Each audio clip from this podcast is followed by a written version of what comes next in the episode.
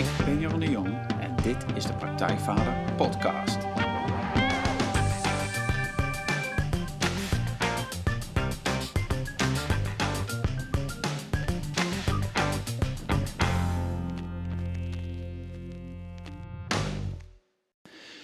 Welkom bij een nieuwe aflevering van de Praktijkvader Podcast. Jeroen hier en goed dat je luistert. Zoals elke aflevering interview ik een inspirerende gast die jou verder gaat helpen bij de volgende stap in je vaderschap. Ik vraag schrijvers, coaches, wetenschappers, kunstenaars naar hun vak, hun ervaringen en hun tips en trucs over hoe jij met meer ontspanning en plezier de vader kunt zijn die je je kinderen en jezelf gunt. En vandaag is fotograaf, reiziger en schrijver Daan Kloeg de gast. Welkom in de podcast, eh, Daan. Dankjewel. Ja. Daan Kloeg maakte het prachtige survivalboek voor jong en oud, de Yukon Vuurman. Ik las het deze zomer in één ruk uit en vond het ontzettend jammer toen het uit was, want ik had nog veel meer willen lezen. En in dit boek vertelt Daan het verhaal van een jongen van 15 die na een kano-ongeluk wekenlang moet zien te overleven in de wildernis van Noord-Canada. Het is een spannend boek, maar ook een hele mooie survival gids, want alle technieken die de hoofdpersoon Erik toepast om te overleven, van vuur maken en een onderdak bouwen tot vissen vangen en herten schieten, worden stap voor stap uitgelicht in het boek. En met prachtige tekeningen van Paul Olen, die maken het helemaal af. En ik moet eerlijk zeggen, het is een tijd geleden dat ik zo enthousiast was over een jeugdboek. Dus cadeautip is, al, is nu al gegeven, zeg maar. Maar ja, Daan is um, in de eerste plaats helemaal geen kinderboekenschrijver. Want hij is bioloog, fotograaf, journalist en wereldreiziger. Um, zijn fascinaties brachten hem op vele plekken in de wereld. Natuurlijk bezocht hij zelf Noord-Canada, ook met de kano. Maar hij peddelde ook in Siberië. En uh, natuurlijk, wat hem fascineert, legt hij vast met de camera. Nou, twee jaar terug reed hij met een 4x4 naar Mongolië om daar de mensen en de omgeving waarin ze leven vast te leggen. Uh, nam ook zijn inmiddels volwassen zonen mee op die trip. En zoals Daan zelf zegt, um, ik wilde mensen laten zien hoe mooi de wereld is, maar ook hoe verschrikkelijk die wereld soms kan zijn. Nou, de mooie dingen, daar heb ik al een beetje genoemd, maar die verschrikking is terug te zien in een heel ander project van Daan, um, het prijswinnende boek Silent Witnesses. En in dat boek laat Daan de bewoners van het gebied zien waar eind jaren 80 de ramp met de Chernobyl kerncentrale plaatsvond. Nou, Daan is ook vader van twee inmiddels volwassen zonen. En ik zei net al, met zijn zonen ging hij ook op reis, ook op kanotocht in Alaska. Ze gingen mee op die reis naar Mongolië. En, um, ja, en zijn boek, De Yukon Vuurman, wat hij zelf zegt, schreef hij om kinderen te stimuleren om meer naar buiten te gaan en de natuur en het avontuur weer op te zoeken. Want kinderen zitten veel te veel binnen, terwijl contact met de natuur goed is voor alles. Je motoriek, je creativiteit, je denkvermogen. Dus Daan schrijft op zijn website, ga naar buiten, er is niks mooier dan dat. In dit gesprek, waar ik al een tijdje naar uitkijk, gaan we natuurlijk hebben over Daans reizen, zijn boek De Yukon Vuurman en zijn fascinatie voor de natuur. Maar ook gaan we stilstaan bij het vaderschap en hoe Daan zijn eigen kinderen heeft meegenomen in die fascinatie voor reizen en natuur. En natuurlijk gaan we het hebben over hoe je kinderen en jezelf stimuleert om er meer op uit te trekken. Nou Daan, nogmaals welkom. Ja, mooi verhaal. Ja, um, ja om maar meteen in het midden te beginnen. Uh, jij, jij ging ooit met je zonen op reis naar Alaska. Ja. En uh, een kanotocht in de wildernis. En dat fascineerde mij meteen, want voor veel ouders is een kampeertrip naar Frankrijk met kinderen al een heel avontuur. Dus ik ben benieuwd van, van, van hoe pak je dat aan? Hoe oud waren je kinderen toe? Hoe krijg je ze zover, zeg maar? Van, hoe is dat ontstaan, die trip? Ja, um, nou ik denk, we zijn toen eerst um, met een groep van acht vrienden zijn we twee keer uh, op pad geweest. Dat was uh, begin jaren negentig. Eén keer naar de Yukon en één keer naar uh, Siberië. En toen dacht ik al, nou, als ik later ooit kinderen krijg, dan wil ik ze dat echt een keer meegeven. Want dat is zoiets fantastisch. Dus toen de kinderen, ik denk dat ze 10 en 12 waren. Ja, ik denk dat ze 10 en 12 waren. Toen zijn we samen met nog vrienden uit Noorwegen, die ook twee zonen hebben van 10 en 12, zijn we naar de Yukon toe gegaan. En uh, ja, dat zoiets moet je als kind gewoon een keer meemaken. En het grappige is dat ik zou nou eigenlijk nog, nog wel een keer die, die tocht willen ja. maken. Maar, uh, en de kinderen zeggen, nou, daar gaan we meteen weer mee. Okay. Ondanks ja. dat ze 26 en 28 zijn. Ja, ja. ja. En, en dat, dat gebied, hè, dat is ook waar je boek zich afspeelt, zeg maar. Kun je dat een beetje omschrijven? Want wij denken wildernis, Canada, ja, dat zal wel bos zijn, maar ja, Ja. Het, is, het, is, het is heel anders. Het is veel meer dan dat Ja, natuurlijk. ja. Nee, het is natuurlijk een eindeloos groot, eh, groot gebied. De Yukon is al, eh, ik geloof, elf keer Nederland. Oké. En eh, het zijn bergen, besneeuwde bergen, rivieren, beken, moerassen. Het is één complete wildernis. Ehm, geen paden natuurlijk. Ehm, ja, om een beetje aan te geven, toen wij daar voor de eerste keer naartoe gingen, toen waren er natuurlijk nog geen, geen, ehm, geen gsm's, geen mobieltjes. En eh, toen vroegen ja, als er nou iets gebeurt, wat moeten we dan doen? Toen zei ze, nou steek maar een stuk, eh, een stuk bos in de brand. En dan heb je misschien de kans dat we het zien. Aan de andere kant, ja, als je hier in Nederland een stuk bos in de brand eh, steekt, Ja. dan zie je dat in Parijs ook niet. Nee, Dus zo gigantisch groot is dat gebied. dat is En- gewoon niet te vatten bijna Nee, zo. nee. Maar en, en dat maakt het ook zo ontzettend speciaal. Hè. Als je hier in Nederland in een stuk bos bent, dan weet je dat je altijd wel weer ergens bij een restaurant komt, of een pad ziet, of een weg ziet. Ja. Maar dat gebied, dat is, je voelt je daar zo ongelooflijk nietig. Het is zo groot. En, en dat, is de, dat is ook die fascinatie die ik daar voor dat gebied heb. Ja. Hey, en hoe was het toen om daar met jouw kinderen, eh, 10 en 12, hoe was het om daar te zijn, zeg maar? Hoe, hoe, hoe deden jullie dat zo'n dag, zeg maar? Ja, nou, het leuke is dat als je met een groep op vakantie bent, dan is het heel vaak. ehm, ja, wat, wat zullen we vandaag gaan doen? Zullen we naar een museum gaan of naar een dorpje of zullen we iets gaan drinken? Maar daar is het gewoon vast. Je zit op de rivier, die rivier die stroomt één kant op en je kanoot. Dus er was nooit een discussie van wat ga je doen. Je gaat gewoon kanoën. En eh, s s'avonds maak je kamp, je zet je tent op. Er zijn mensen die hout zoeken, die vuur maken. Ehm, er wordt eten klaargemaakt. En je bent met, de ongelooflijk, met, met hele basale dingen ben je bezig. Dat is eten, kanoën, warm blijven en droog blijven. Dat zijn hele basale dingen. En die essentie, nou bijna de essentie van het leven, die kom je daar zo ongelooflijk hard Ja. en stevig tegen. En, en, en hoe was het dan als, je, toen, als jij als vader hè, met je zonen daar, zeg Ja. maar... ehm, vond je dat spannend om met zo van... Hè, ook nog als zorg als vader, zeg maar, voor je kinderen? Of speelde dat helemaal niet? Of, Jawel, dat. dat ehm, je, je bent toch wel heel voorzichtig ook. Hmm. Eh, we hadden ook. eh, je komt op een gegeven moment, als je over de rivier vaart, kom je verschillende keren eh stroomversnelling tegen, rapids. Ja.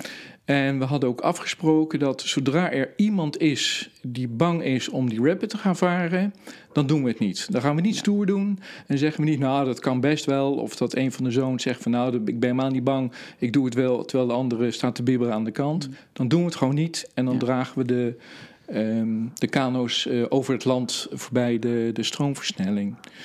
Dus ik, ik heb me eigenlijk nooit zorgen erover gemaakt. Over, eh, de- de kinderen helpen ook ongelooflijk goed, eh, goed mee. En ehm, ja, nee, ik, ik heb me daar nooit zorgen Nee. over gemaakt. Nee, Nee. Hey, en, en ja, je hebt ongetwijfeld talloze herinneringen, maar kun je iets, iets een, een voorval of iets wat je hebt meegemaakt wat, wat je niet had verwacht of wat anders liep of wat je denkt, oh, dat was echt wel heel bijzonder van die, van die trip? Nou ja, je, ehm, het, een van de problemen was, en een van de zonen had daar wel moeite mee, is dat we hadden enorm hoog water. Dus we konden soms eh, moeilijk een, een kampplek eh, vinden. Maar dat was nog niet het grootste probleem. Maar het moeilijkste was om met de kano aan de kant te komen. Die rivieren die stromen vrij snel. En ehm, dat was soms wel wat angstig om ze dan eh, goed aan de kant te krijgen. Om de kinderen ook uit de kano te krijgen. We zorgden altijd wel voor dat er altijd... We waren met vier kano's, dat er één volwassen is en één kind in een kano. Ja. Dus nooit twee kinderen in een kano. Dat is Ja. natuurlijk toch te gevaarlijk. Maar dat waren soms wel angstige momenten. We hebben het, toen we met acht vrienden waren, eh, is er twee keer een kano omgekieperd. En dan zit je toch in, eh, in water van 4 graden. Dus dan moet je natuurlijk toch wel heel snel zorgen dat je aan de kant komt. Ja. Dus, eh, en we hadden nu ook wel een rivier met de kinderen uitgekozen die minder gevaarlijk was dan de, de South Macmillan die we eerder hadden gevaren. Ja. Ja, oh, dat is ook de rivier uit het boek, hè? Ja, klopt. Ja, dat is ja, ook de rivier ja. uit het boek. Ja, Ja. ja. Nou, komen we, komen we later nog op terug, hoor. Want, eh, want, want ik ben benieuwd van... eh nou, je zoon zijn toen meegegaan, zeg maar. En nu heb jij onlangs, nou ja, onlangs eh, die, die reis naar Mongolië gemaakt. Met, een, met een 4x4. ja. Toen zijn ze ook mee geweest. ja klopt. En, en natuurlijk een hele andere leeftijd. ja. Ehm, hoe was dat dan om ze mee te nemen nu ze volwassen zijn, zeg maar? Ja, nou, en ten eerste was ik ongelooflijk blij dat ze mee wilden. Ja. Want eh, ze zijn natuurlijk, eh, ze waren toen 25 en 27, of nog een jaartje jonger. Ja, doet er niet toe. Ehm, ja, dat ze dan met hun oude vader nog op, eh, op tocht willen, dat is natuurlijk toch fantastisch. En het was eigenlijk een soort estafette-tocht. Dus de, de eerste stuk is met mijn jongste zoon gereden, van Nederland naar, naar Iran toe. En ehm, toen is mijn vrouw gekomen. Toen is mijn vrouw, hebben we drie maanden gereisd door alle standlanden. Dus Tajikistan, Kazachstan enzovoort. En mijn vrouw is in Mongolië teruggevlogen, in Ulaanbaatar. En daar is mijn oudste zoon gekomen. Oh, wat mooi. Dus ja. we hebben, eh, elke keer was ik ook met één zoon alleen. Ja. En dat is natuurlijk fantastisch. Ja. En mijn zoons zijn allebei ook enorm verschillend. De ene heel extrovert, heel gezellig. En die ziet allemaal, die- maar die denkt van nou, het komt allemaal wel goed. En de andere is wat introverter, wat meer Ja. nadenkend. Ja. En dan heb je ook hele andere gesprekken Ja. in de auto. En dat is zo fantastisch. Ja. Ja, want heb je, dan ben je ongetwijfeld ook weer gewoon, heb je nieuwe dingen geleerd over, over je zoon of over jullie als vader en zoon, zeg maar. Ja, ja. Ja. ja. en ook, eh, ook de, de humor met, eh, eh, met, de, met de jongste is heel anders dan met, eh, met de oudste. Ja. Je hebt hele andere gesprekken. Mijn, mijn oudste zoon is architect, dus je hebt veel meer gesprekken ook. Ja, die wil dan in Ulaanbaatar ook naar de architectuur gaan kijken... en hoe de stad is ingedeeld, ook in de reis door... Siberië terug door Rusland. Elke stad kijken van hoe staan de gebouwen, hoe is dat ingedeeld. En daar praat je dan over. Ja. Terwijl mijn, mijn jongste zoon is eh, ja, ex, extreem sporter, een eh, surfleraar is die. Dus ja, dan heb je weer eh, totaal andere Ja. gesprekken. En dat maakt het, dat maakt het ontzettend leuk. Ja. Hey, en, en, en ik ben benieuwd van, van los van dat je, hoe je dat aanpakte. Wat was jouw drijfveer om naar Mongolië te gaan? Wat, of, of die reis door Azië te maken eigenlijk, zeg maar. Want het is niet even naar Mongolië rijden, maar de hele die reis. Ja, dat, dat is moeilijk om te zeggen. Want mijn drijf, eh, drijfje is denk ik toch ook om, ehm, ja, om de wereld te zien. ehm, om te fotograferen. Wat, ik, wat natuurlijk een van mijn passies is en ook wat mijn werk eh, is. Dus ik wilde dat ontzettend graag eh, vastleggen. En ik was nog nooit in die gebieden geweest. En eh, ja, ik denk dat het ook veel te maken heeft met gewoon met een stuk avontuur. Ja. Gewoon Ja. Eh, kijken wat je tegenkomt. ehm, en je probeert dat zo goed mogelijk voor te bereiden. Je probeert die auto zo goed mogelijk voor te bereiden. En dan nog kom je dingen tegen die je totaal niet vermoedt. Ja, daar ben ik benieuwd. Want Dat is natuurlijk, als jij zoiets vertelt, zeg maar. eh, en dan gaan natuurlijk af en toe ook gewoon gezinnen met een camper op reis met jonge kinderen, zeg maar. Maar heel veel mensen hebben zoiets, ja, maar dat is veel te spannend. Of dan gaat die auto stuk. Of hè, dat, is, dat is iets wat veel. Hoe, hoe ga jij daarmee om, zeg maar? hè? Hoe bereid je dat voor? En, en, en hoe, ja, je kunt niet alles voorbereiden. Je hebt niet alles onder controle, zeker nee, niet. nee, zeker niet. Nee, Nee. Ik, ik kan helemaal niet alles, alles voorbereiden. Ook bedoel, de auto is een paar keer stuk gegaan. Ja. O- Op plekken waar je denkt van nou, dat had ik liever niet gehad hier. Ja. Ehm, Hoe lost dat zich dan op? Hè? Dan sta je daar langs de weg, Nou, weet ik ver is, weg van eh, alles misschien? Het gekke is dat ehm, in die landen, ehm, zodra je ergens langs de weg stilstaat, dan staan er andere mensen direct naast je stil om te, om te vragen of ze kunnen helpen. En dat is echt fenomenaal. Ehm, bijvoorbeeld in Iran. eh, Veel mensen zeggen van waarom ga je in godsnaam naar, eh, naar Iran toe? Dus een gevaarlijk, terroristisch land, enzovoort, enzovoort. Nou, de mensen zijn nergens zo vriendelijk als in Iran. Ja. En zodra je stilstaat, dan eh, komen de mensen naar je toe om te vragen of ze kunnen helpen. Eh, ze nodigen je uit om, eh, om te eten. Dus ik heb me eigenlijk nooit zorgen gemaakt dat je ergens strand en moederziel alleen staat. Er zijn altijd weer mensen die komen om je, om je te helpen. En dat is absoluut fantastisch om dat mee te maken. En dat deden wij ook. Zodra er ergens een auto stilstaat, sta je ook stil. En zeker in, in Mongolië is het gewoon cultuur, is het gewoon bijna een plicht. Zodra ergens iemand iets heeft, dat je stopt. Ja. Ja, en als je daar, ook als wij s'avonds, je zet je auto gewoon ergens neer om, eh, om daar te overnachten. En dan komt er een herder aan en dan is het gewoon gebruik dat je ze te eten geeft. Ja. Oh, en een sigaretje. En dat hoort er gewoon bij. ja, mooi is dat. ja. Hebben wij, hebben wij dan, je zegt het net over Iran, maar misschien ook, hebben wij echt gewoon hier een verkeerd beeld van hoe het daar is? Of heb jij je beeld zelf moeten bijstellen? En of? ik heb mijn beeld zelf absoluut Ja. bij moeten stellen. ja. En in welke En- zin?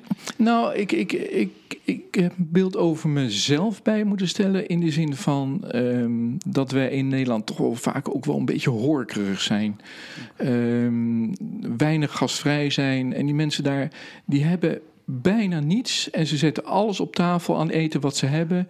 Om dat met je te delen. En dat is zo fantastisch. Ja. En dat heb ik al gemerkt met, eh, met het grote project wat we in Chernobyl hebben gedaan. Ehm, dat die mensen daar zo ontzettend aardig en vriendelijk zijn. Dus in die zin eh, moet je eigenlijk gewoon je beeld bijstellen. Ja. Ja. ja, terwijl wij hebben hier zoveel, zou je eigenlijk zeggen. Ja, dus, en dus, dus Ja. Maar misschien, Ja. misschien is dat. eh, werkt dat misschien wel averechts ja. dat we zoveel hebben en in ons eigen huisje zitten en eh, daarvan proberen te genieten. ja. Ja, Ja, mooi. Nou, het grappige is van, van ja, wat nu speelt, zeg maar. Mijn auto is stuk, dus ik moest om hierheen te komen. Moest ik, eh dacht, nou, wat ga ik doen? Ga ik de auto huren of ja, ging ik allemaal niet doen? Dus toen had ik, nou, een vriend van mij zei, ja, tuurlijk, neem je mijn auto mee. En dan voel ik Ja. me bijna bezwaard, zeg maar. Terwijl Ja, ik denk van, nou ja, dankjewel. Ik denk, ja, zou ik toch andersom, ja, zou ik het eigenlijk ook doen, zeg maar, als hij omhoog zou zitten, zeg maar. Dus, maar dat is al bijna, oké, ja, hè, dus, dus zo die vanzelfsprekendheid, ja. Dat is mooi. Ja, Ja. dat is in die landen eh, totaal vanzelfsprekend. Ja. Hè, Ja, ook omdat ze gewoon Ja. weinig hebben, moet je elkaar ook wel helpen. Ja. Ja. Ja, goh. Eh, we komen straks ook nog terug hoor, op dat, dat, dat Chernobyl-project. Want daar ben ik ook heel benieuwd naar. Ehm, maar even terug naar de, ehm, ja, jouw fascinatie ook voor de natuur. Ja. Die, die komt in het boek heel erg naar voren. Ehm, dat is natuurlijk waarom je die plek ook opzoekt op heel de wereld. Je bent natuurfotograaf. Ehm, waar, waar komt die vandaan? Had je die altijd al als kind? Of heb je die van je vader of van iemand anders meegekregen? Hoe, hoe kwam die? Eh, ja, ik denk dat ik die als kind altijd al wel had. Mijn vader was ehm, groot vogelliefhebber. Eh, die is helaas heel vroeg overleden, op zijn 48ste. En hij was ook vogelfotograaf. En ik heb toen eigenlijk volgens mij voor het eerst in de brugklas... ehm, zijn fotospullen gepakt en ben daarmee gaan fotograferen. Ik- De eerste vogel die ik fotografeerde was een, eh, een boomkruiper. Oh, nou, Ehm, dat kan me nog heel goed herinneren. In, eh, in Velp bij Kasteel Biljoen. Ik weet nog precies waar die, eh, waar die ja, zat. kun je vertellen? Want liep je daar met je camera? En, ja, en- ja ik zag, ik zag, ik zag een, een. Ik wist niet eens dat het boomkruiper was. Dus ik zag dat beestje over de boom heen kruipen. En eh, ik, ik vond het opvallend dat hij naar boven kroop en dan eh, naar beneden vloog. En dan beneden aan de boom weer de volgende boom naar boven kroop. Terwijl ik later leerde dat een boomklever, die kan ook ondersteboven naar beneden eh, lopen. Ja, ze zien Maar- er heel anders uit ook nog. Ja, ze zien er ook nog heel anders uit. Maar daar was, was ik weer helemaal door gefascineerd. En eh, ja, ik weet niet of dat de aanleiding was eh, om uiteindelijk biologie te gaan studeren. Ik heb uiteindelijk wildbiologie eh, gestudeerd. Dus ik weet alles van, nou, alles tussen aanhalingstekens, van hazen, konijnen en herten. Ja. Maar eh, ik denk dat dat wel, eh, dat was ongeveer mijn eerste foto. Het was ook nog een zwart-wit foto Ja. met zo'n hele oude Praktica fotostel. Eh Praktica is zo'n Oost-Duits zwaar apparaat. En eh, zelf ontwikkeld in, in een Oh, donkere ja. kamer nog. eh, Ja. weet je wel, met zo'n rode lamp. Ja. Erg leuk om te, om te doen. Ja. En, eh, maar ik denk dat dat zo'n beetje mijn eerste foto eh, was. Ja. ja. Ja. En er zat gelijk die combinatie in van en fotografie en natuur, zeg maar. Ja, Ja. Dat, is, dat is toch iets wat mij eh, heel erg fascineert. Ehm, en wat mij, wat mij in de fotografie vooral fascineert is... Oh, ik ben erg fan van, van minimalistische fotografie. En het gekke is dat, eh, dat in de natuur minimalistische fotografie eigenlijk heel ingewikkeld is. Want natuur is chaotisch. Alhoewel, het, het is natuurlijk heel gestructureerd. Hè. Het is natuurlijk een heel mooi ecologisch evenwicht. Maar als je in, een bos loopt, is het natuurlijk toch eigenlijk één grote chaos. Dus wil je daar een, zeg maar, een grafisch patroon in ontdekken... Een heel rustig, minimalistisch beeld. Ehm, ja, daar ben ik echt door, door gefascineerd. Dat vind ik, vind ik ontzettend mooi. Dat het een, een heel eenvoudig beeld een hele sterke zeggingskracht heeft. Dat, dat, dat vind ik het mooie aan natuurfotografie. Ja. Ja, ik ben wel benieuwd nu je dit zo zegt, want ik zag op jouw site eh, dat je ook in Noorwegen eh, in de bergen bent geweest om muskusossen te fotograferen. Ja, En ehm, ja, het is natuurlijk zo'n prachtig beest in de sneeuw. ja. En dan ben ik, ja, dat wil ik misschien al wel heel lang weten, maar ik denk van, hoe krijg je in godsnaam jij of natuurfotografen zoiets voor elkaar? Zeg. Want als ik door het bos loop, dan zie ik zo'n beest en die springt weg, zeg maar. Nog Ja. voordat ik überhaupt een camera heb kunnen pakken. Ja. Moet je lang wachten? Hoe doe je dat? Hoe pak je zo'n aan? Heb je geluk? Of, wat? Ja, nee, eh, eh, eh, natuurfotografie is voor, voor een groot deel geluk. Ehm, want eigenlijk moet alles meezitten. Ja. Het weer moet meezitten, de compositie moet meezitten, de plek waar je bent moet, moet meezitten. Ehm, we zijn toen met een aantal vrienden naar Dovrefjell gegaan in, in Noorwegen, een nationaal park, waar die muskusossen zijn. Er zijn er eigenlijk nog maar heel weinig. En eh, wij zijn toen, denk ik, een dag of zeven daar geweest. En de eerste dagen ga je het gebied in, eindeloos lopen, kijken, verrekijker, eh, het gebied afzoeken, naar zo hoog mogelijke top gaan om dan weer het hele gebied af te zoeken. Ja, en je bent eigenlijk dagenlang aan het zoeken. Totdat op een van de laatste dagen, eh, het was al gaan sneeuwen, eh, we over een heuvel heen lopen. En ineens zien we zo'n machtig beest achter de heuvel staan. En we duiken in één.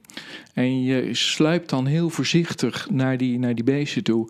En je ziet eigenlijk ook, je moet het ook heel rustig aandoen. Je ziet ook aan hun gedrag van kom ik te dichtbij of, kom, of, of kan ik nog een klein stukje lopen.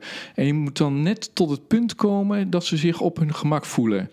En als je daar bent, ja, dan kun je eh, die beesten eh, waarnemen en fotograferen. En dat, dat gevoel, ja, het zijn ook echte oerbeesten. Het zijn schapen trouwens. Eh, iedereen denkt dat het muskus ossen Ja, zijn. ossen hebben het. Ze horen Ja. eigenlijk bij de schapen, gek genoeg. Gigantische schapen. Oh ja, het zijn gigantische schapen. En, eh, en ja, het zijn echt van die oerbeesten. En dan in de sneeuw in Noorwegen, ja, dat is een machtig mooi gezicht. Ja, Ja. Ja, het is, als je het zo beschrijft, is het eigenlijk bijna hetzelfde als jagen lijkt me, zeg maar. Alleen, Ja. jij schiet een foto, maar... klopt. Ja, Ja, Ja. het is hetzelfde als, als, eh, als jagen. Ja. ja, ja. fascinerend. Nou ja, en Ja. dat beschrijf je ook heel mooi in het boek op een gegeven moment. Dat zal niet te veel verklappen. Ehm, maar, maar over het boek, hè, de Ja. Yukon Vuurman. Ja. Eh, het verscheen dit jaar. Ja. Ik zei, het is een prachtig boek. Spannend verhaal en survival gids in één. Dus Ja. het is eigenlijk twee boeken in één. En prachtige, prachtige tekeningen. Echt, Zeker, maak het echt helemaal af. Het is, is heel aantrekkelijk. Ehm, waarom moest dat boek er komen? Was er een aanleiding? Of, ja, Nou ja, de, de- eh, misschien wel twee aanleidingen. Eén, het was mijn droom om ooit nog eens een keer een kinderboek te schrijven. Ja. Ik wist gewoon niet of ik dat wel eh, zou kunnen. Ehm, en twee is ehm, ja, dat, ik, dat ik het gewoon heel belangrijk vind, is dat kinderen gewoon de natuur intrekken. Om heel veel redenen. Om, om eh, eh, gewoon lekker buiten te spelen. Nou, je gaf het net in je inleiding al aan. Hè. Er zijn tegen redenen aan te voeren waarom het gezond is om de natuur in te trekken. Dat ik het belangrijk vind dat een kind weet wat het verschil is tussen een beuk en een eik en een reiger en een eend. Omdat dat zo'n essentieel onderdeel is van ons leven. Dacht ik, ja, ehm, dat ga ik met een boek, ga ik daar een hele, hele kleine bijdrage aan leveren. En ehm, dat kinderen gewoon eh, naar buiten gaan, dat ze daardoor gefascineerd Ja. raken. En om te bewegen, en het kan niet schelen wat ze gaan doen, of ze een hutte gaan bouwen, of ze gaan fietsen, of ze gaan in de modder spelen, kan me niet, kan me niet schelen, als ze maar gewoon naar buiten gaan. ja, niet binnen zitten, niet achter het scherm, gewoon lekker naar buiten toe. ja. Ja. Ja, mooi. Hey, kun je kort zeggen waar het boek over gaat? Ik had het een beetje verteld, maar Ja. ja, het is, eh, je had al inderdaad kort, eh, kort verteld. De hoofdpersoon is Erik. Erik is een eh, ontzettend liefhebber van eh, natuur. En eh, hij wil heel graag naar zijn oom in eh, Canada. Zijn oom is ooit daar naartoe geëmigreerd. Zijn oom is bioloog. Eh, misschien niet voor niks, omdat ik dat zelf ook ben. Ja. En ehm, eh, uiteindelijk mag hij eh, naar Canada toe om daar met zijn oom een kanotocht te gaan maken. Nou, dat loopt niet helemaal goed. Hij komt er voor zijn eentje, komt hij ervoor te staan. En hij probeert daar te overleven. Nou, dat is natuurlijk een eindeloos gevecht om dat eh, voor elkaar te boksen. Ik kan niet te veel vertellen, want dan Nee, nee, eh, nee, nee, vertel precies. ik, Ja, eh, nee, nee, dit, dit is genoeg. Oh, maar dit is genoeg. Ja, dit, dit- nou, weet je, dat, dat, dat, en hoe dat dan loopt, zeg maar, dat, Ja. dat, dat, speelt, dat speelt zich allemaal in het boek en dan moeten mensen vooral zelf gaan, ehm, Ja. gaan, gaan lezen, zeg maar. Ja. Maar je zegt, hij moet de hele tijd zien te overleven in die wildernis. Hij heeft een paar spullen, niet heel veel. En, maar ja, hij, hij weet wat van survival en hij leert er nou ook een hoop. Ja. Ehm, je beschrijft heel veel survival technieken in het Ja. boek, die ook heel leuk zijn om, om zelf uit te proberen, zeg maar. Ehm, heb jij een aantal die je, die, je, die je echt extra leuk vond om te beschrijven? Of een aantal favorieten van jezelf, die je zelf helemaal in de vingers hebt? Van, eh, Ehm, nou, wat, ik, wat, ik, wat natuurlijk ontzettend magisch is, is om zelf vuur te maken. En eh, ik ben zelf helemaal niet een, een, een, een top bushcrafter of eh, survivalist. Dus ik heb er zelf ook nog moeite mee. Maar het, eh, het, het, het, feit in, dat het een keer voorkomt dat je zelf vuur kan maken, hè, zonder lucifer, zonder aansteker. Ehm, ja, dat is magisch. Dat vind ik echt eh, on- ongelooflijk leuk om te doen. En vuur is natuurlijk ook absoluut essentieel om te, om te overleven. En eh, een tweede ding wat natuurlijk ontzettend leuk is, eh, en zeker voor kinderen, is om zelf een pijl en boog te maken. En daar ben je natuurlijk een tijdje mee bezig. En wat ik ook Ja. erg leuk vind, ik, ik heb eigenlijk alle technieken heb ik natuurlijk zelf ook, eh, ook gedaan. Dat vond ik natuurlijk ook ontzettend belangrijk. Heb ik ook met de kinderen in, in de Yukon gedaan. Zelf vissen vangen, fuik maken enzovoort. Is ook mezelf om touw te maken. Dat is ook echt ontzettend leuk om, om te doen. Ja, kun je even, want dat, dat denk ik, oké, dit, dat waren allemaal dingen die ik niet kende, zeg maar. Ja. Op een gegeven moment, een, eh, zoals vuur maken, nou, dat, een aantal dingen ken ik wel, maar ja, touw maken, hoe, want hoe doe je dat? Als je daar gewoon in... Ja, nou, het, eh, het seizoen loopt er eigenlijk een beetje van af om zelf touw Ja. te maken. Maar je Ja. moet het eigenlijk doen tussen mei en eh, eigenlijk in het groeiseizoen van, eh, van Ja. de bomen. Het beste seizoen is mei, juni. Hmm. Ehm, als de bomen weer beginnen uit te lopen. En dan eh, kan je het beste wilg nemen, wilgetakken. En dan haal je de, de bast ervan af. En die ehm, eh, maak je in hele kleine repen. En die kook je vervolgens. En het beste is nog om daar wat eh, as aan toe te voeren. En ehm, ja, misschien te lang om het hele proces nee, uit maar, te maar, leggen. ja, maar je, gaat, Maar- je begint met die bast, zeg maar. ja, je begint echt ja. met, eh, met de bast van, eh, van de wilg. Je kan ook eh, van ehm, eh, brandnetels schijn je ook erg goed touw te kunnen maken. En ja, in, in het boek staat precies uitgelegd hoe je dat Ja, allemaal maar dan vleg je het op een gegeven moment in elkaar, die, die Ja, je vlecht het op een gegeven moment in elkaar. Het is een beetje als, als een vlecht van haar, zoals je het in elkaar doet. Maar het is ontzettend leuk om, om te doen. Ja, dat is mooi. Nou, ik, Ja. ik, ik, ik, vraag, ik vraag het ook hier, want ik zeg het, want ehm, degene die mij op jou wees, Baruch van Columns, een vriend van mij, die, eh, die ook meegaat als vuurman, notabene, Ja, bij de ja. zweethutten die we geven. Die vertelde dat hij dit aan het doen was met zijn zoon. Dus die was dat Oh, touw echt aan het maken. Dus Ja, die, ja. zei van, ja, maar ik heb, het- oké, ik heb het gekookt en er moet er as aan toegevoegd worden, want dan wordt het zachter of beter, ik weet niet precies. ja. Dus die was het helemaal aan het doen. Dus dit, dat was echt fascinerend. Die is, eh, die is het ook echt gaan, gaan uitproberen allemaal. Dat ja, is, ik eh, was zelf ook stom verbaasd dat het best sterk wordt, het touw. Ja, Ik dacht, nou, dat breekt ja. heel makkelijk, maar dat, ja, het wordt echt sterk touw. En je Ja. kan natuurlijk eh, de vezels in elkaar vlechten. En als je dan eh, dat gedaan hebt, dan kun je natuurlijk ook weer eh, twee touwen ook weer in elkaar vlechten, waardoor je steeds sterker touw Ja. krijgt. Ja. Ja, dat is, dat is mooi. Want het zijn, ik vind het ook leuk dat je zegt, ja, we hebben het zelf ook allemaal uitgeprobeerd, Ja, zeg nee, maar. zeker. Ja, ja, Ja, ja. ja. Heb, je, heb jij een, een moment van de, op een van je reizen waar je zegt, ja, dat was echt zo'n mooi ja, survival moment? Of zeg, oh, dat was mooi dat dat toen lukte? Of dat was... eh, Nou, ik denk wel het eh, vuur maken. We hebben dat Mm. toen met baardmos gedaan. Hè. Baardmos wat, wat, wat groeit in, eh, heel veel in de, in de bomen. Het is ook Ja. een teken dat de, de lucht ook heel schoon is. Eh, dat is dan heel droog en dat kun je heel goed gebruiken om, eh, om vuur te maken. Ja. Ehm, eh, ja, en we hebben ook heel veel eh, brood gebakken met reflectieovens. en zelf ovens bouwen met, met stenen uit, uit de rivier en met, met leem. ja. Dus je echt een soort pizza-oven bouwt. ja. Ja, dat zijn fantastische dingen. Ook om met de kinderen te doen. Ja. Ja. Ja, dat is leuk. Nou, het is mooi. Het staat, die dingen die je nu noemt, staan ook in het boek beschreven. Ja. Het is echt, ja, is fijn. En ik moest denken, ja, die film heb je natuurlijk ook gezien, die Into the Wild. Ja. En dan, dan die, die, die, die man die daar, daar mee bezig is, maar die gaat op een gegeven moment ook zijn oven maken. Maar dat gaat helemaal mis. En dan Ja. heeft hij uiteindelijk zo'n eland gevangen. En dan is het veel te warm om dat vlees te drogen. Ja, ja En hij, denk, was, nou, eh, Ja, hij was redelijk onvoorbereid. ja, ja, ja, precies. Nee, dus, dus die Erik, Erik die heeft het beter in de vingers, zeg maar, in jouw zeker. boek. Ja, ja.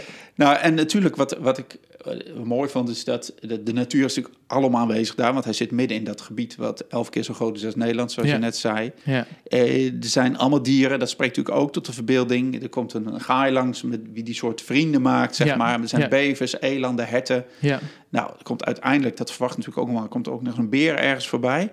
Ehm, was, wa- ja, wat was van toen je het boek schreef, zeg maar? Was, was, van, was er een van die dieren of meerdere dieren, zeg, oh, dat vind ik echt leuk om die erin te stoppen, zeg maar? Of die, Ehm, Ja, ik had, ik had die vraag een beetje verwacht en ik heb er ook over nagedacht. Oh, nou, ja, gek, ja.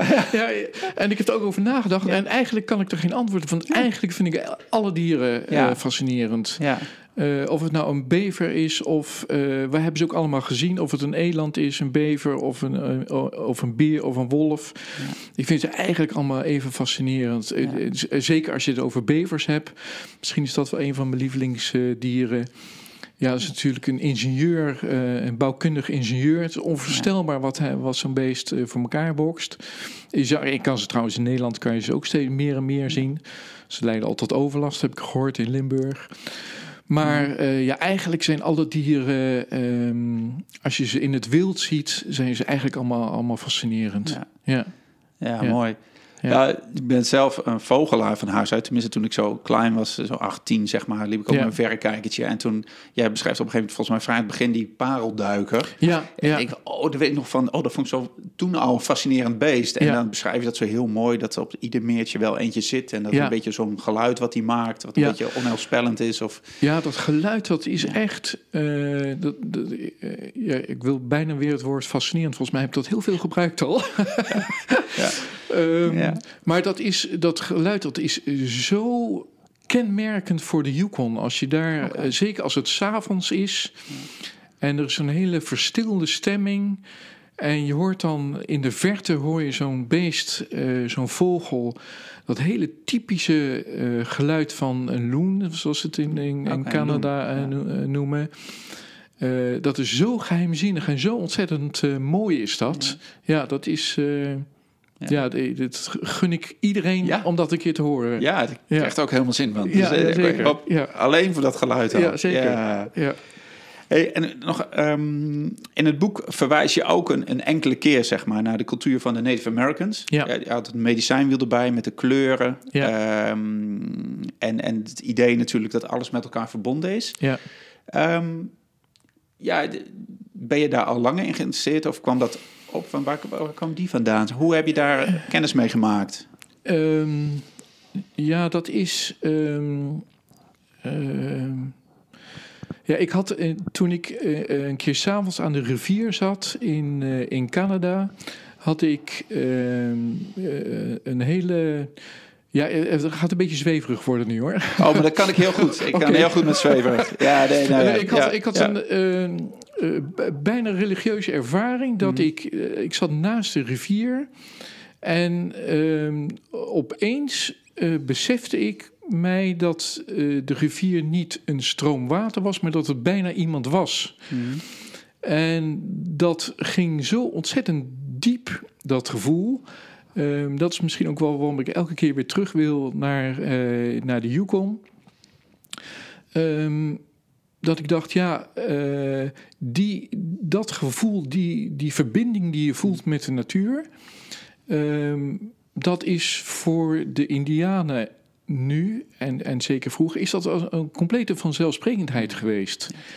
En vandaar dat ik me daar een beetje in ingelezen. Ik bedoel, ik weet er niet heel veel van, maar ik heb me er een beetje op ingelezen. En ehm, dat je beseft dat, dat, dat alles met elkaar verbonden is. eh, dat de natuur, eh, dat je het hebt over moeder natuur. dat, dat, dat spreekt me enorm aan. Dat, eh, daardoor krijg je ook echt ehm, respect voor de natuur. Dat, het is niet een ding. Ja.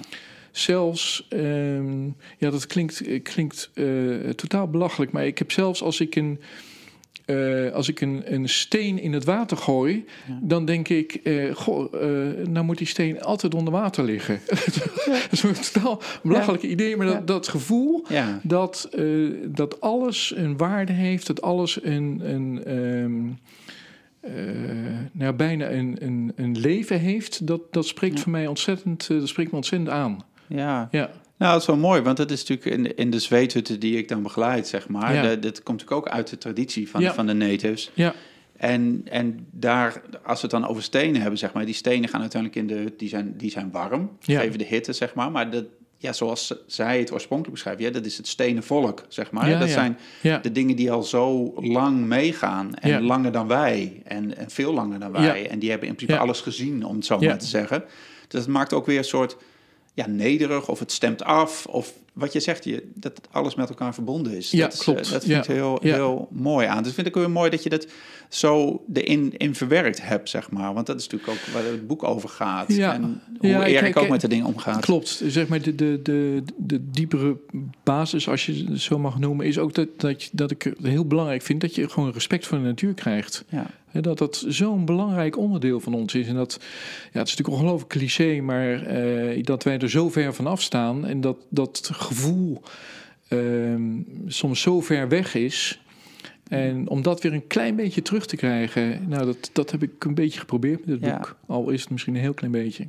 Ja. Nou, de- ik denk dat dat heel erg geslaagd is. Ja, en, nou, en ja, nee, ja wat, het, het, nou, wat het bij mij doet van Epson, ehm ik krijg er ook zin om weer van naar buiten te gaan, om die dingen Ja, uit ja. te proberen. Of, Ja. of denk, oh ja, zo'n vissenfuik maken. Ja, nou, ik weet niet waar ik dat bij mij in Nijmegen kan. Maar dat, toch, dat het kan en dat het werkt en dat je op die manier in je eigen ja, onderhoud kan voorzien, Ja. zeg maar. Dat is, eh, ja, is, ja, Ja, ja, leuk om te horen. ja, en ik weet zeker dat, dat zeker mannen met, met, of moeders ook, natuurlijk gewoon met, met wat kinderen, die, die, die kun je ze gewoon meenemen Ja. hierin. En dan Ja. kun je één van die dingen uitproberen uit jouw boek, zeg maar. En dan, eh, ja. Nou, het is ook leuk om te horen dat je zelf zo enthousiast bent over het boek. Want ik heb het ook een beetje met, eh, ik noem dat eh, het eh, klokhuisprincipe. Dat klokhuisprincipe, zeg maar, klokhuis is voor kinderen gemaakt. Maar de ouders vinden het eigenlijk ook Ja. wel heel erg leuk om Ja. te kijken.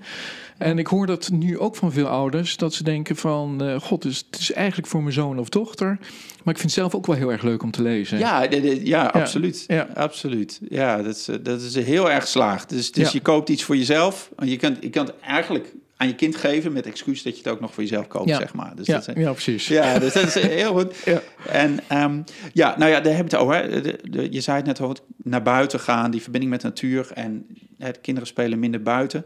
Ehm ik las een tijdje terug een, een onderzoek, volgens mij was het in Amerika, de, daar, dat ging over dat, eh dat hadden zo'n heel mooie kaart gebracht, dat de afstand waarop kinderen van huis mogen bij het buitenspelen, om het zo maar even te zeggen, dat die drastisch afneemt per generatie, zeg maar. Dus, Oh, dus, dus ja. in de jaren 30 mochten die kinderen nog kilometers ver van huis zwerven en zagen die ouders ze wel weer een keertje terugkomen.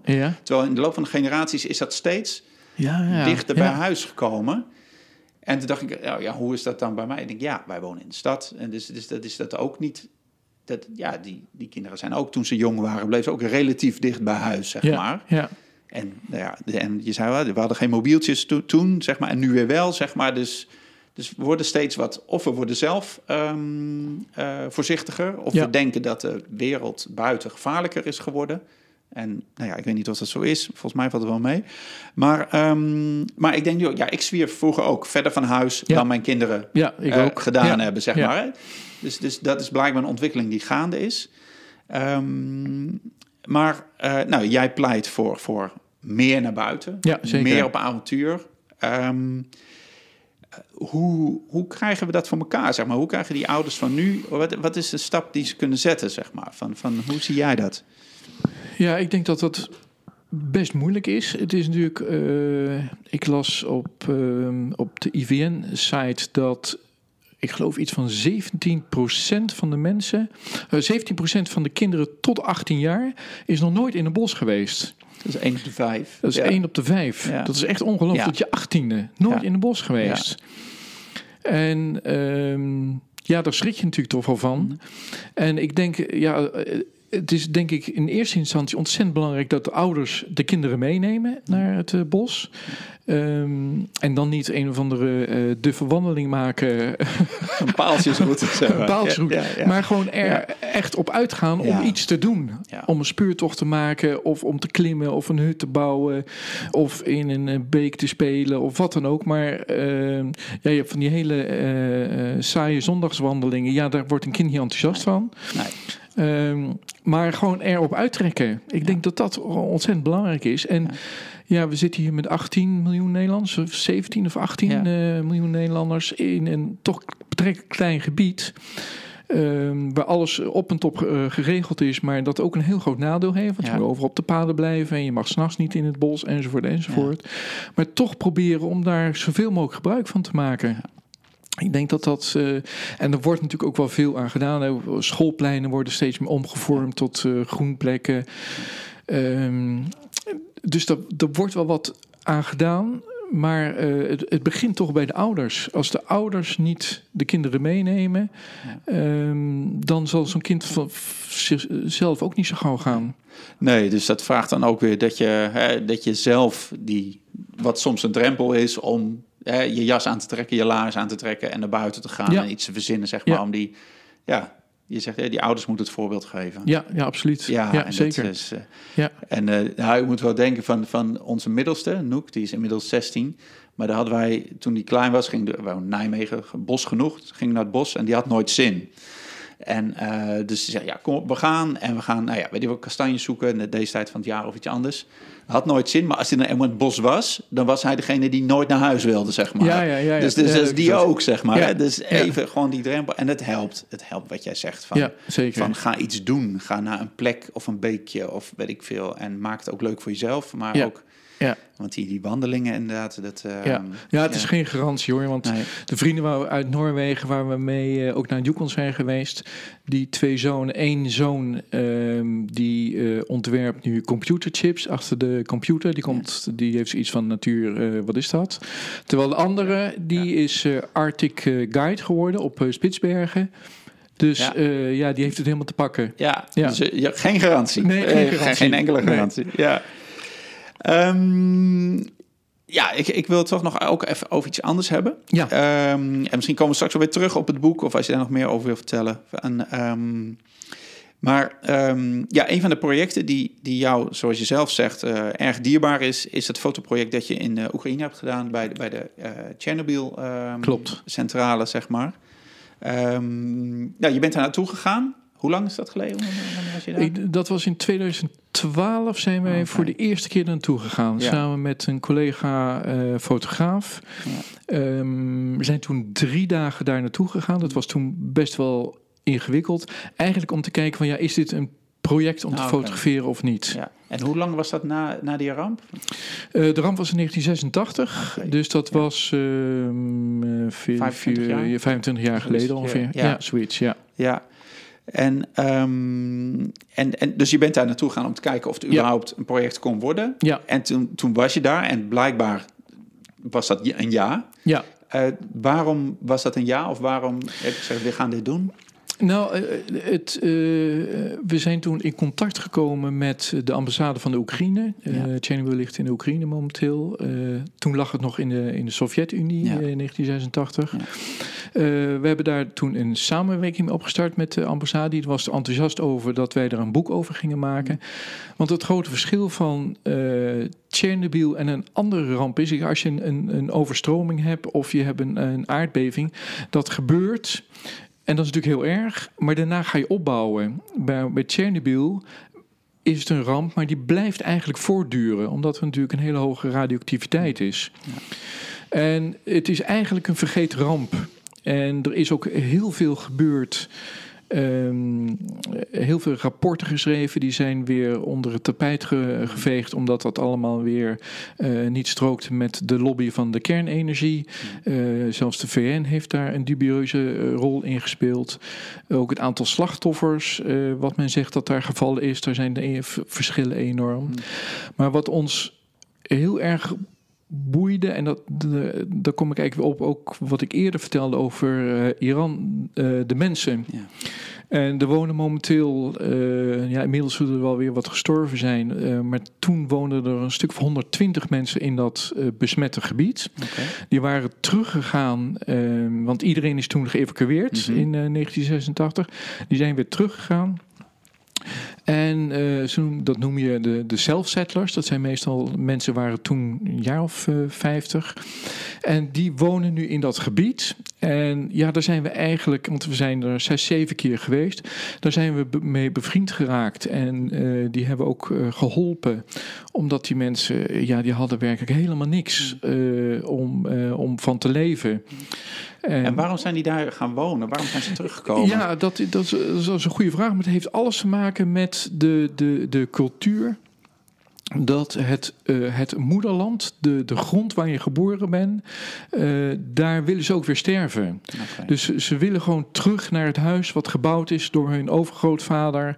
En ehm, ja, om die mensen dan in eh, Kiev eh, om een grote flat ergens eh, 12 hoog achter eh, te zetten. Dat, dat is gewoon niks voor ze. Nee. Die, ze wilden gewoon per se terug. Ja. Met naar alle hun- risico's. Met alle risico's Ja, van ja, dien. ja, wilden ze gewoon weer terug naar het eh, gebied. Ja. En we wilden toch heel graag ook aandacht hebben voor, ehm, eh, voor die ramp die toen gebeurd is. Ja. Want uiteindelijk zijn er toch circa een miljoen mensen aan gestorven aan die, eh, Ja, ja. Aan die straling. En dat is ook eigenlijk gewoon helemaal niet bekend. Nee. Dus we zijn toen ook samen met Omroep Max eh, hebben geld ingezameld ehm, eh, om die mensen zo goed mogelijk te helpen. Ja. En dat is ja van, van, van klein project een steeds groter project geworden. En ehm, ja, momenteel, eh Chernobyl wordt eigenlijk steeds meer een soort toeristische attractie. Dat was toen eigenlijk nog helemaal niet. Ja. Ehm, dus dat is wel heel jammer dat dat, dat nu eigenlijk ontaardt in een soort ramptoerisme. Ja. Maar eh, nou ja, gelukkig hebben we wel een- ons steentje kunnen bijdragen Ja. om die mensen te kunnen helpen. Ja, en, en wat heb jij dan als, als mens gewoon daar gezien of geleerd? Of wat is je opgevallen aan die mensen die je daar hebt ontmoet, zeg maar? Nou ja, ook, ook een beetje hetzelfde wat ik net al zei. De, de, de, de, enorme gastvrijheid en de, de, eh, de wil ook wel om te overleven. We spraken daar een, eh, een Maria, eh, een 86-jarige vrouw. Die had de, eh, tijdens de Tweede Wereldoorlog zeg maar, de hongersnood van Stalin meegemaakt. Mhm. De Oekraïne werd toen eh, was een hele grote hongersnood. Was er, eh, omdat al het graan uit de Oekraïne werd weggehaald en Mhm. naar Rusland gebracht. Ehm, ze had natuurlijk de Tweede Wereldoorlog meegemaakt. Ze had haar zoon verloren, haar man verloren. Ze had Tsjernobyl meegemaakt. En toen wij daar kwamen, ehm, want die mensen die zien eens in zoveel maanden zien ze iemand bij hun voorbij komen, stond ze van vreugde gewoon echt letterlijk te dansen op de veranda van haar kleine huisje. En Ja. ja, dat gaat echt door merg en been. Dan, dan word je omhelst en je krijgt eh, eh, gedroogde en helaas radioactieve vis te eten. Ja, Ehm, ja, en dat is. eh, ja, daar leer je zelf zoveel van. Dat, eh, dat mensen die in zulke moeilijke omstandigheden wonen. nog zo ongelooflijk vrolijk en hartelijk kunnen zijn. Ja, dat is, eh, dat is echt indrukwekkend. ja, dat geloof ik. zo. Ja. Als je het zo vertelt, eh, Ja. krijg je ook kippenvel van. Dus Ja. dat is, Ja, misschien nog een ander voorbeeld. In de twee zussen, ehm, Anna en, en Sonja. Ehm, Sonja was invalide en Anna zorgde voor haar. Zij was 86 en de, en de ehm, zus was 84. De zus van 84 lag altijd op bed in een huisje eh, wat nog een beetje heel was. De rest van de 600 huizen in het dorp waren totaal ingestort en verlaten. En ehm, die zus die lag al sinds haar zestiende op bed. En zij was, eh, en die zus die had een relatie gehad toen ze 16 was met iemand die net een wat van andere geloofsgemeenschap was. Die sloeg namelijk het kruis met drie vingers en zij sloeg het kruis met twee vingers. Daar was haar familie zo boos over dat ze haar kreupel hebben geslagen. En sindsdien Oh. ligt ze dus op bed en wordt ze door haar 86-jarige zus verzorgd. Nou ja, als je daar binnenkomt, ja, weet je, dat, dat, dat is ongelooflijk. Ja. Ja. Zo. Ja. En ehm, eh, nou ja, je hebt uiteindelijk die, die foto's in het boek terechtgekomen. Ja, Ehm, en dat is, dat, is, eh, dat is ook de wereld ingegaan, zeg Ja. maar. Van, ehm, heb je het gevoel dat het, dat het ja, dat, dat je verschil hebt kunnen maken? Of dat je iets hebt kunnen doen daar, zeg maar?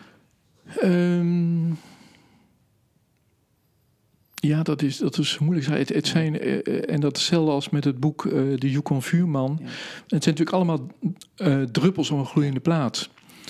Ook in Chernobyl. Ehm, maar ik vind niet dat je dat mag weerhouden om iets te doen. Er zijn natuurlijk heel veel mensen die heel veel goede dingen doen, Ja.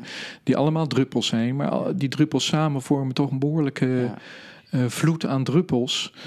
Dus in die zin, ja, het is ontzettend moeilijk om te zeggen, heb ik daar nou, ik heb niet het verschil gemaakt, maar ik heb er wel een heel klein stukje aan bijgedragen. Ja, Ja, maar dat is dan ook wel de, hoe jij in het leven staat, zeg maar. Dat je iets, iets in jou wil het goede doen of wil het juiste doen. Of, Ja, al, ja, dat denk ik wel. Alhoewel uh, ik af en toe denk, oh, jee, ik ben toch ook zelf af en toe ongelooflijke hork. Uh, ja. Ja, dan kom je jezelf weer tegen. En ja. dan denk je, ja, dus je dan s'avonds in bed ligt, denk je van, oh god, ik had dat eigenlijk even anders moeten doen. Of ik had het anders, ja. bij iemand anders nog even daarna moeten vragen. Of ja, ja. dat dat is natuurlijk altijd zo. Maar ja, je probeert toch, uh, toch een klein beetje het goede te doen. Ja, mooi. Daan, ik heb een paar korte vragen. Misschien een beetje off-topic. Even, Maar even gewoon, je hoeft niet per se kort antwoord te geven hoor. Okay. Maar gewoon even heel een beetje random. Ja. Um, is, is, er een, is er een boek, los van je eigen boek, want dat gaan we aan iedereen cadeau geven. Maar een boek of iets anders wat je, of een film of zo, of iets wat je tipt of wat je graag cadeau geeft aan iemand? Uh... Ja, en dat is ja, als, als, als, als er. Um, uh, als familie van ons of vrienden van ons, als die uh, kinderen krijgen, ja, ik zit inmiddels in een leeftijd waar dat niet zoveel meer gebeurt, maar uh, kleinkinderen, dan geven wij altijd het boek De Kleine Bever cadeau.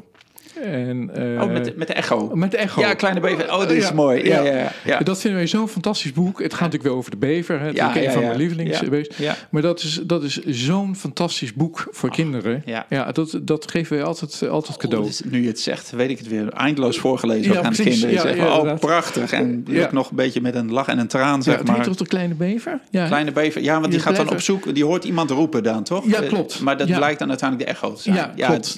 Ja, ja, ja. nee, ik denk dat hij geen vrienden heeft. Uh, oh ja, dat, zo, oh, dat, ja, ja, precies. Ja, ja en dan komt hij erachter dat... Ja, oh, dat is mooi. is een fantastisch boek. Ja, ja, het is echt een kinderboek voor, voor uh, kinderen van, uh, nou wat is het, drie, vijf ja, als je jaar. gaat voorlezen, hè? Peuters, kleuters. Ja, precies. Ja, ja. ja. Ja, mooi. Hey, en is er iets, um, iets wat je toen, toen je kinderen nog klein waren, zeg maar, iets een aanschaf die je hebt gedaan, iets wat je hebt gekocht, van weet je, ja, maar dat was echt een goed ding, of dat was echt goed dat we dat gedaan hebben, zeg maar, of dat je dat. Uh, ja, iets wat, uh, wat elk kind moet, uh, moet, ja, moet, dus aanstekens moet hebben, is natuurlijk een Zwitser zakmes. ja, ja, ja. Hoe oud waren ze? Hoe oud waren ze toen je dat gaf? Uh, Weet je dat nog? Nou, ik denk een jaar of tien, denk ik, zoiets. Okay, ja. Ik heb zelf, toen, ik heb drie jaar in Zwitserland gewoond. Daar is mijn, mijn ik was toen, even kijken, 13. Ik was iets ouder dus. Uh, toen is mijn vader daar overleden. En uh, als afscheid van Zwitserland heb ik toen een Zwitser zakmes ah, gekregen. Ja. En dat heb ik nou nog steeds. Oh, dat is echt me zo dierbaar. Ja. Maar ja, een Zwitser zakmes, dat hoort gewoon in je broekzak uh, te zitten. Ja. ja, mooi.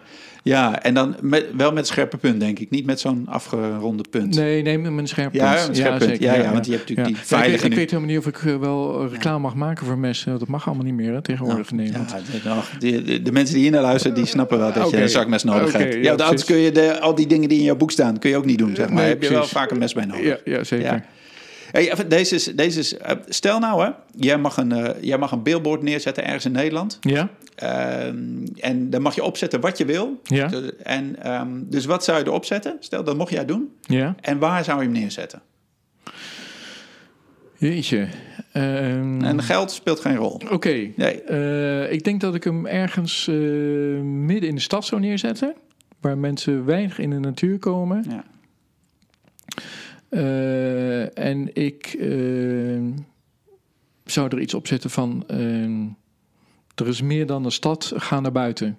Ja, ga naar buiten. Ja. Mooi, mooi, ja, mooi. Ja, en buiten is dichterbij dan je denkt. Want ja, het, oh, dat ook dat, ja. ja. Um, hey, als we even terugblikken van, eh, over jouw vaderschap, zeg maar. Van, je bent nu vader van twee volwassen zonen. Ja. Um, zie jij, en misschien ook wel met al je ervaring van al je reizen misschien hoor, maar zie jij een verschil in het, um, ja, in het ouderschap misschien wel, of waar, waar ouders nu met jonge kinderen voor staan, verschillen tussen, tussen nu eigenlijk en toen jij kleine kinderen had? Van, wat, hoe is de wereld veranderd? Of is die helemaal niet veranderd? Of... Nou ja, ik denk dat een van de, en dat is natuurlijk bekend, een van de grote verschillen is natuurlijk dat er nu uh, de, de, de computers, de, de smartphones, uh, de iPads enzovoort en de schermen überhaupt uh, natuurlijk een hele belangrijke rol spelen. Uh, mijn kinderen hadden dat. Uh, we hadden hier beneden één PC staan, zo'n oude. met nog groene lettertjes op het scherm. Ja. de kinderen mochten één uurtje per dag mochten ze een, een spelletje spelen. En dat ging eigenlijk heel erg goed. Maar ik denk dat dat een van de grote truppels van de, Ja. de- van de ouders tegen tegenwoordig is, om die kinderen van die schermen af te halen. Mhm.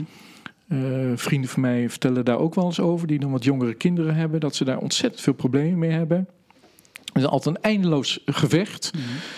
Ehm, en ik moet zeggen dat ik daar ook niet de oplossing Nee. voor heb. Ehm, ja, ze mee naar buiten slepen. Ik bedoel, daar, eh, daar gaat natuurlijk toch altijd weer eh, de iPhone, of welke, welke smartphone dan ook, Ja. gaat mee. Dus dat is best, best ingewikkeld. Ja. Ik denk dat dat echt een, een, ehm, een, eh, een, een probleem is. Ehm, ik denk wel iets wat, wat- wij wel heel standaard hebben als we zitten te eten, gaat die oude iPhone eh, gewoon uit eh, of in ieder geval weg. Ja. Je gaat niet aan tafel als je zit te eten of naar ontbijt, lunch of diners, ga je met je iPhone zitten spelen. Ehm, en ook überhaupt als je een gesprek met elkaar hebt, weet je, dan, dan leg je hem gewoon eh, weg of je zet hem uit. Ehm, maar ik denk dat, dat- ja, dat is echt eh, hoe, hoe positieve dingen ook zo'n iPhone eh, Ja. heeft hoor. Ik bedoel, je Ja. kan er, ik, ik gebruik hem ook veel. Je Ja. kan er ongelooflijk de, GPS en alles wat je allemaal kan gebruiken is natuurlijk geweldig. Ook om mijn tochten gebruik ik hem heel veel om dingen op te zoeken. Maar om daar een goed evenwicht in te vinden, dat is best heel Ja. ingewikkeld. Verlang jij nog- wel eens terug naar die tijd dat je het niet had? Dus als over je tochten gaat, zeg maar. Hè? Van, van, Ja. Ja, absoluut. Maar Ja. dan voel ik me ook al een oude lul. Eh, Van eh, ja, vroeger was alles beter. Vroeger was helemaal niet alles beter. Ehm, maar het had ook wel wat. Hè, eh, ik ben denk ik om mijn ehm 14e of 14e ben ik samen met mijn broer, die was toen 16, naar Zuid-Frankrijk gefietst. Ja. Wat best wel jong eh, was eigenlijk, om dan alleen. En dan, ja, je belde één keer per week eh, via zo'n telefooncel. Ja.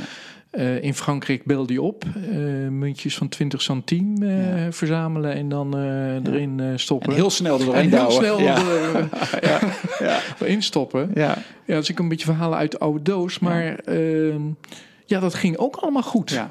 Hè, dat, Waarom zou dat nu niet kunnen?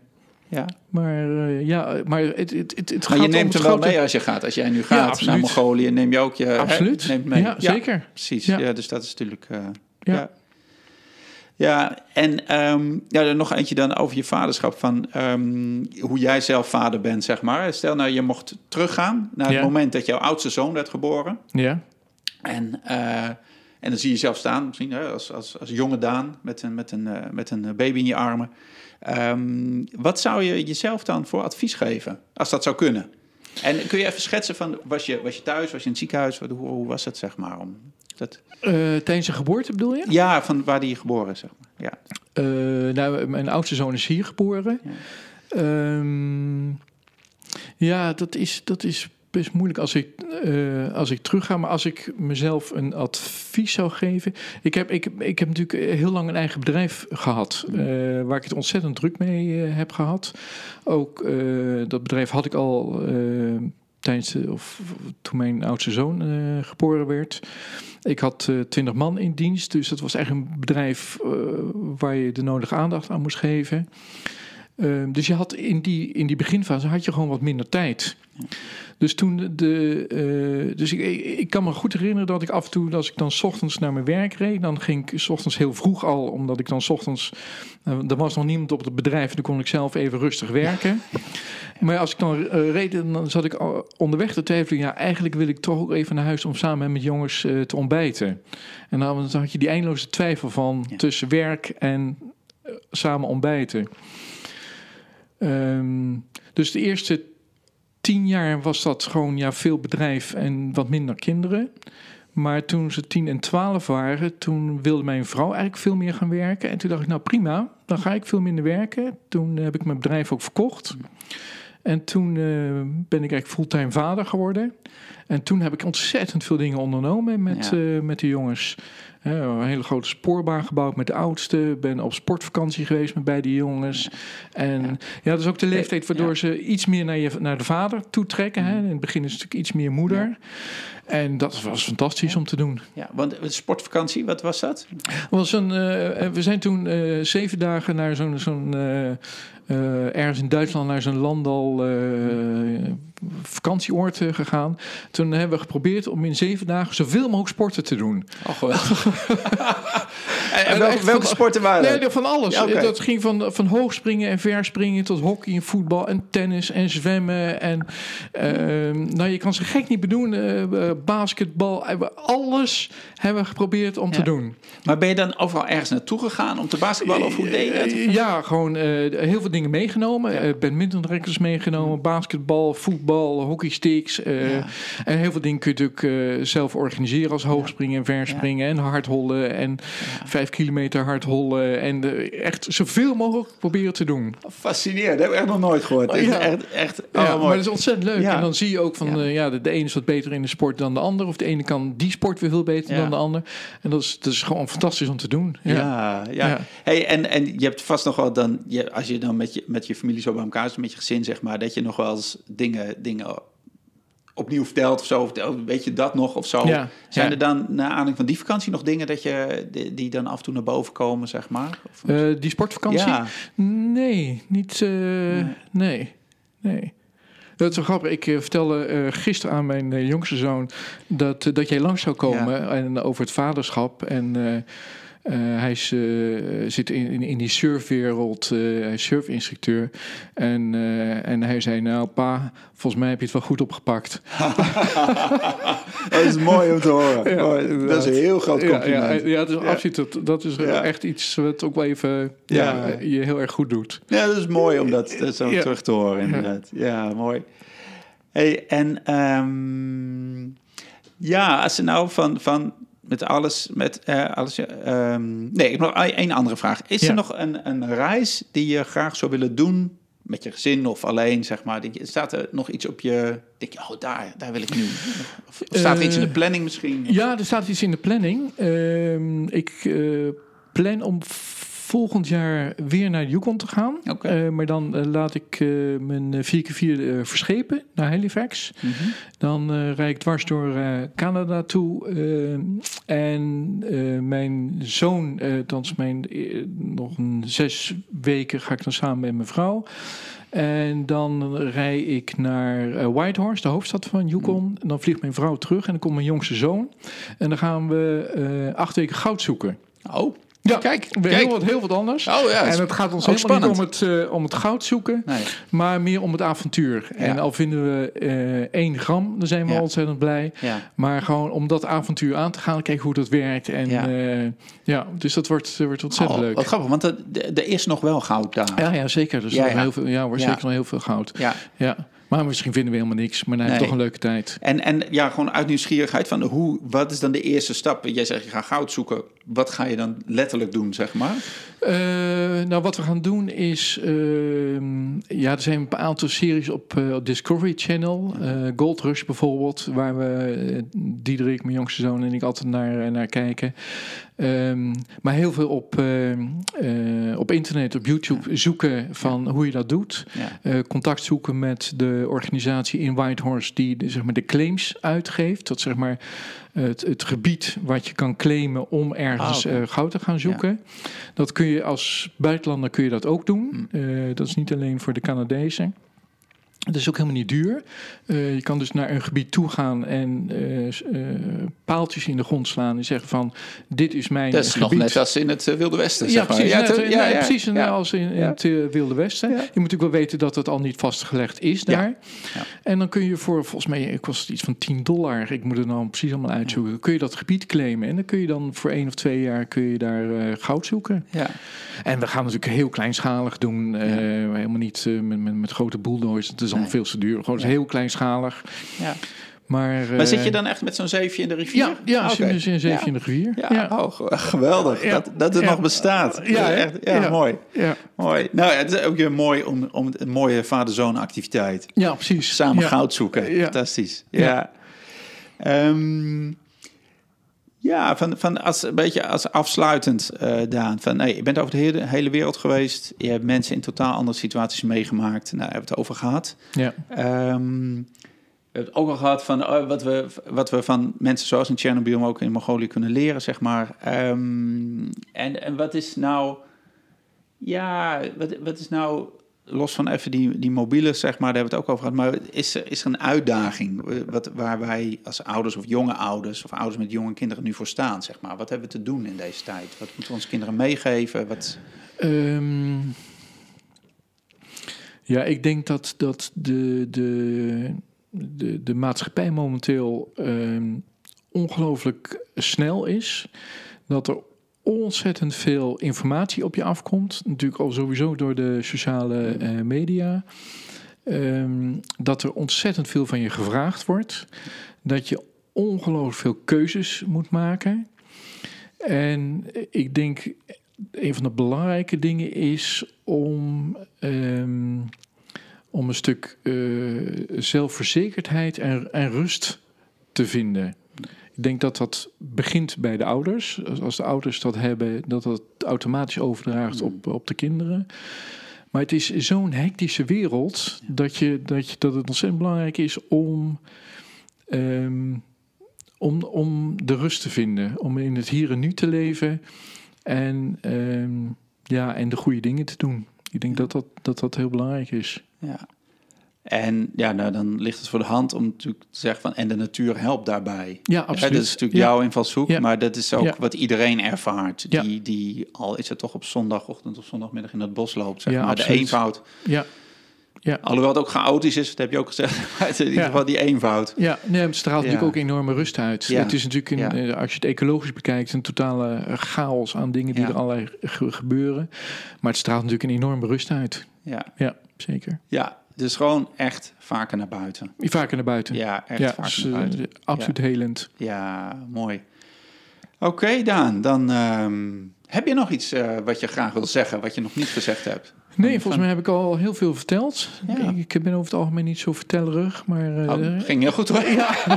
nee, maar ja. het is... Uh, ja. ja. je krijgt natuurlijk heel veel vragen op je afgevuurd. Dus volgens mij heb ik al heel veel uh, dingen verteld. Ja. misschien is het nog goed om te vertellen, een stukje reclame, dat het boek uitsluitend te bestellen is via de site. Ja. De Yukon Vuurman ja, want dat was inderdaad mijn laatste vraag. Want waar kunnen mensen dat mooie boek halen? Ja, op de, de yukonvuurman.com. En ja. Yukon is met Y-U-K-O-N. Klopt. En ik zet de link ook op de website. Nou, geweldig. Ja, dus sowieso. Um, dus ga daarheen. En uh, nou ja, Daan, dankjewel voor dit Ontzettend graag gedaan. Ja, ja, ik vond het erg leuk. Ja, mooi. Ik ook. Nou, als je zit te luisteren, dankjewel. En uh, goed dat je er weer was. Nou, ga vooral dat, dat boek van Daan opzoeken. Uh, linkjes uh, die, uh, naar dingen die we genoemd hebben, dus de website, maar ook andere dingen, vind je terug op de website. Ehm, deze aflevering natuurlijk ook helemaal in zijn geheel. Dat is www.praktijkvader.nl slash podcast. Maar je vindt ze ook terug op alle podcast-apps zoals Spotify, Apple Podcast, Stitcher of welke andere je ook gebruikt. Gewoon even zoeken in je app naar Praktijkvader en dan komt die vanzelf naar boven. Of dus uh, op de website www.praktijkvader.nl slash podcast vind je alle afleveringen, alle interviews terug. En op de website vind je natuurlijk ook alle informatie over de training die ik geef, de blogs, uh, artikelen, uh, gratis downloads. Dus ga daar ook vooral even kijken. Ik hoor je graag bij de volgende podcast en heb het goed. Tot de volgende keer. Doeg hè! Voordat je gaat wil ik je graag wijzen op twee belangrijke dingen. Het eerste is het Praktijkvader Podcast Werkboek. Dit fijne mini-werkboek gaat je helpen om alle inspiratie uit de interviews een beetje te onthouden en ook om te zetten in concrete stappen naar de vader die je wilt zijn. Aan de hand van vijf eenvoudige maar belangrijke vragen haal jij de essentie uit elke aflevering en vertaal je die naar acties die het verschil gaan maken in het leven met je kinderen, je partner, je werk en alles wat er nog meer speelt. Je kunt deze handige en printbare PDF eenvoudig downloaden op www.praktijkvader.nl slash podcast en zo kun je meteen aan de slag met de belangrijkste inzichten uit deze aflevering. Veel succes en veel plezier ermee.